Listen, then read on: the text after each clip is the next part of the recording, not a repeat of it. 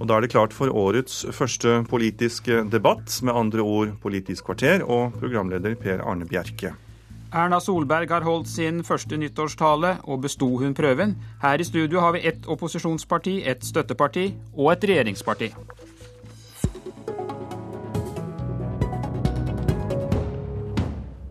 I går kveld sto Erna Solberg foran peisen i statsministerboligen og talte til folket.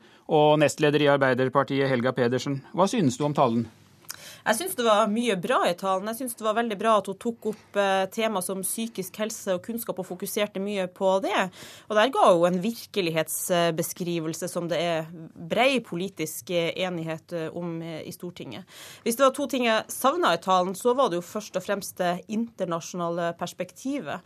Og jeg savner at hun adresserte klimautfordringer, som jo er vårt tids største problemer, som tror veldig mange har kjent på kroppen nå i jula med det været som eh, har vært.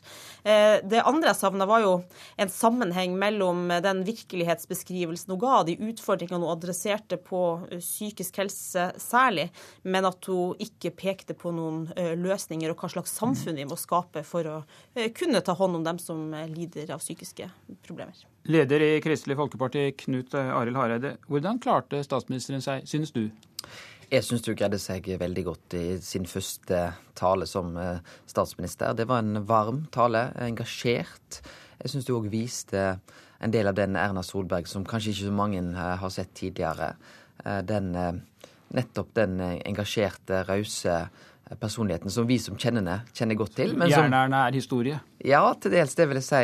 Og jeg tror at eh, det norske folk likte det de fikk med seg eh, i går kveld. Og jeg likte det veldig godt eh, sjøl. Fordi at hun òg løfter opp noen av de utfordringene i vårt eget samfunn som vi ser vi må gjøre mer med.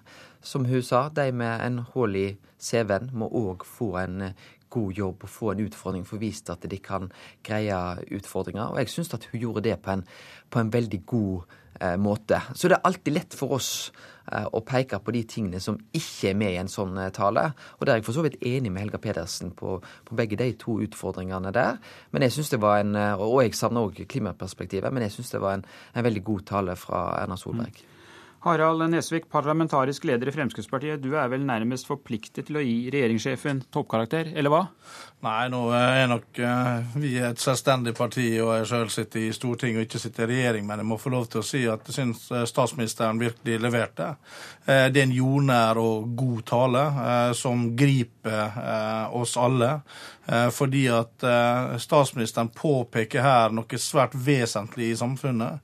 Nettopp de personene som faller utenfor. Eh, og inn med psykisk helse så har vi det som vi definerer som den usynlige sykdom veldig ofte. Vil si at det er vanskelig å bli sett, det er vanskelig å vite at man faktisk er syk, fordi at eh, det er på sinnet gjerne man er syk, og ikke man, man har en bandasje på hånda etc. Så jeg syns det er et, en god tale av statsministeren. Jeg syns hun leverer godt. og så Apropos hva som skal være med og ikke være med. Det begrenser hva du får med på disse 10-12 minutter som man har til rådighet. Men jeg syns statsministeren griper inn i svært viktige tema. Og så er det andre ting selvfølgelig som man må gripe fatt i gjennom den generelle politikken gjennom hele året. Så du savnet ikke klimaperspektivet?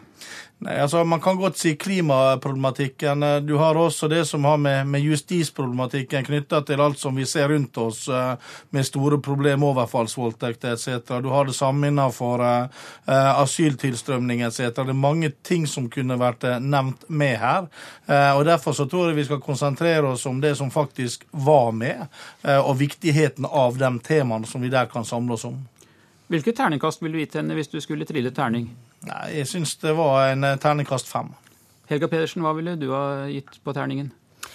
Nei, jeg tror ikke jeg skal drive og eh, trille terning på statsministeren. Jeg mener det som er viktig, er å gå inn og diskutere innholdet i den eh, talen hun holdt. Og der er det som sagt eh, ting som vi i Arbeiderpartiet er helt enige med statsministeren om. Og så er det andre ting eh, vi savner i talen, og da særlig klima. Og det at hun eh, ikke sa noe om hva vi som samfunn bør gjøre for å gjøre det lettere å leve med psykiske lidelser. Og, og forebygge bedre uh, psykiske lidelser for fremtida. Altså, det, det som også er viktig nettopp i denne type taler, er jo nettopp å, å, å, komme med et budskap også der du faktisk kan vise til resultatet i ettertid. Og jeg tror nok at Helga Pedersen bør jo ha frist i minne månelandinga til Jens Stoltenberg, og når han dro frem den biten der nå. Og da får du også en forferdelig nedtur når du ikke klarer å levere. Og det er det som denne regjeringa nå skal vise frem. og det er nettopp at her kan man levere på disse punktene, eh, på områder som man faktisk ikke har kommet langt nok. Jeg vil jo si at det er veldig eh, defensivt hvis Høyre og Fremskrittspartiet mener at eh, vi ikke skal tørre å sette oss mål eh, på det psykiske helseområdet. Det eneste statsministeren sa om, sin, om, om sine visjoner på dette området, er at Arbeiderpartiet skal, nei, om at regjeringa skal arbeide for å styrke det psykiske folkehelsearbeidet. Det er svært lite forpliktende. Og Jeg merka meg særlig en selvmotsigelse som lå i talen, nemlig at hun, hun, hun snakka om det her med hull i CV-en, og at arbeidslivet i større grad må legge til rette for å ansette folk med psykiske eh, lidelser.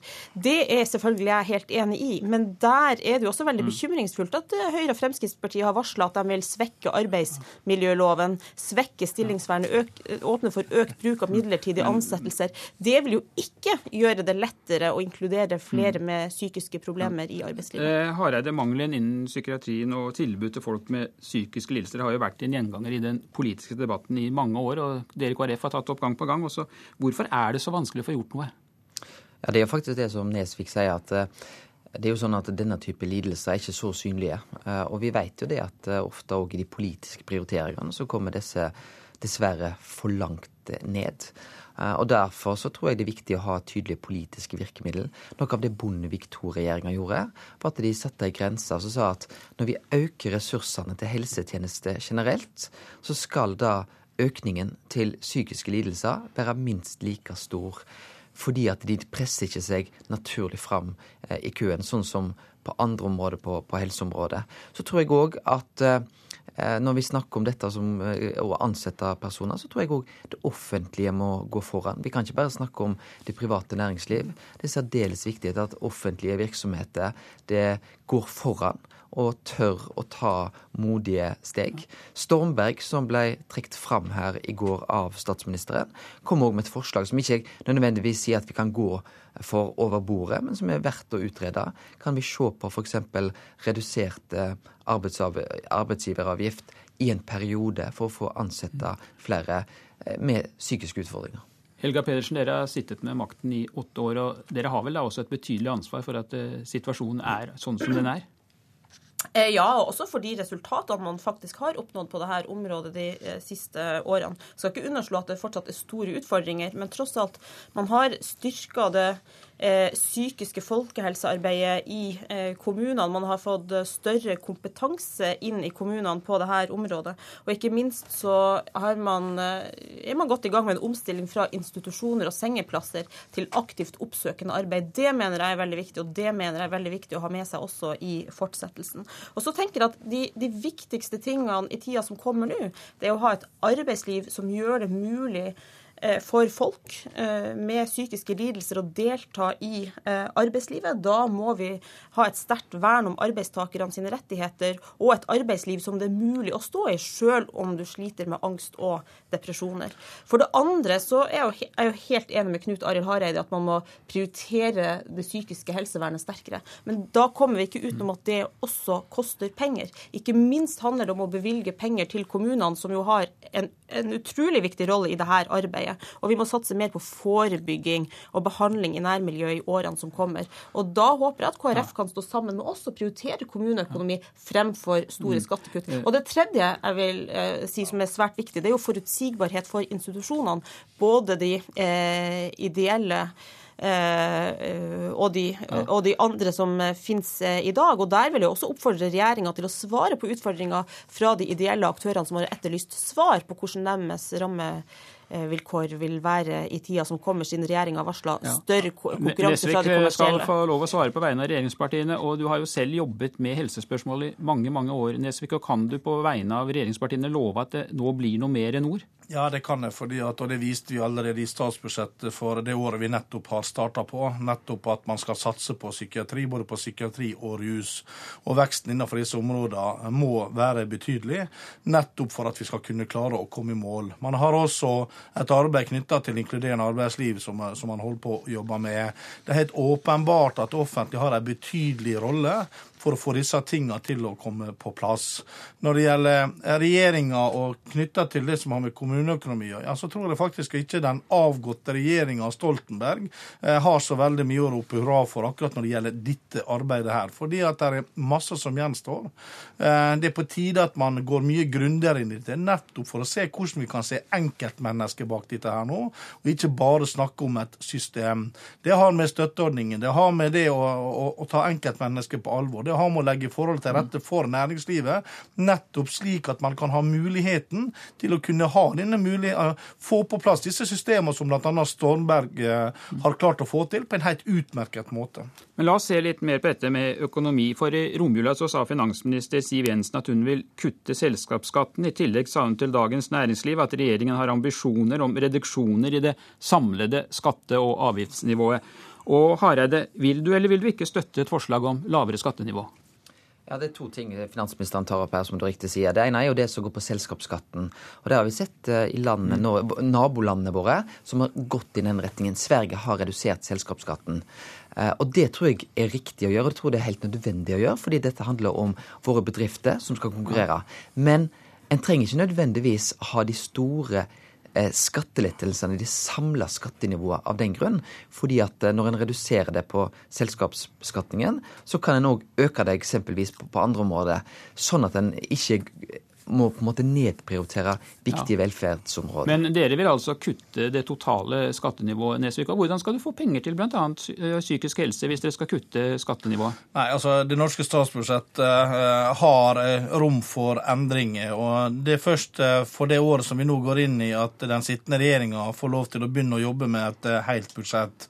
I den forbindelse så vil man se på en rekke ting som bl.a. vi, vi vært tidligere enig og sikkert fortsatt enig med KrF og Venstre om, knytta til forenkling, knytta til gjøre ting på en annen måte, bruke pengene annerledes. Så må vi også ta inn over oss at uh, Norge ikke er ei isolert øy uh, uten samkvem med, andre land. Da må vi også tilpasse oss den virkeligheten som finnes der ute. Selskapsskatten er ett av disse temaene, nettopp for å sikre norske arbeidsplasser i Norge. Sikre at bedriftene blir her, slik at vi kan skape disse arbeidsplassene som vi har behov for. Og så må ikke vi utelukkende se oss blind på akkurat dette her nå med, med reduksjon. fordi at uh, de insentivene som man gir her, vil jo også skaffe vekst i mm. økonomien. Slik at det vil frigjøre nettopp midler til å kunne iverksette disse tiltakene. Helga Pedersen, er ikke det riktig at eh, det kan føre til ny vekst hvis man senker en del av skattene? Vel, Vi tok jo i vår initiativ til å senke selskapsskatten, men vi finansierte jo det ved å tette eh, skattehull og eh, ja, hente inn inntekter fra eh, andre områder. Og jeg er dypt bekymra over at Høyre og Fremskrittspartiet nå vil senke selskapsskatten og en rekke andre skatter og avgifter, og dermed, dermed gå til angrep på det såkalte provenyet, altså statens inntekter. Og Det vil føre til to ting. For det første større forskjeller mellom folk i Norge. Og Det er jo ingen grunn til å tro at ikke det også skal eh, føre til større eh, forskjeller eh, innenfor helse, sånn som vi jo veldig tydelig ser mellom Oslo vest og Oslo øst i dag. Og For det andre så blir det jo, som Knut Arild Hareide også sa, helt åpenbart mindre penger til skole og lærere, til eldreomsorg, der vi står overfor veldig store oppgaver de kommende årene, og penger til psykisk helse. Ja, ja, men bare spørre Hareide først. Er du egentlig mer enig med Helga Pedersen enn med Nesvik i denne saken? Nei, det er jeg ikke. fordi at når Helga Pedersen sier at hun er dypt bekymra for at vi skal redusere selskapsskatten, så syns jeg det er veldig rart.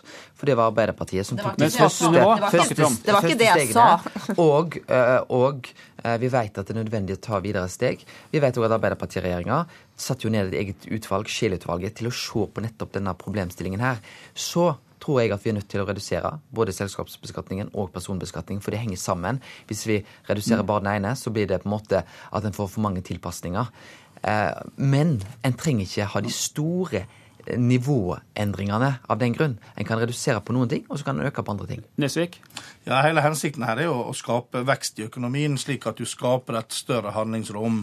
Eh, når vi ser på selskapsskatten og, landene rundt oss, mens vi da gikk fra 28 til 27 eh, så har landene rundt oss 21 til 22 og faktisk også lavere enn det. Når Arbeiderpartiet eller de rød-grønne satt og styrte, så eh, vil man senke da selskapsskatten, men unnlate å gjøre det samme med personbeskatninga. Du ville fått masse tilpasninger som man ikke da hadde, hadde vært fornuftig at skulle skje.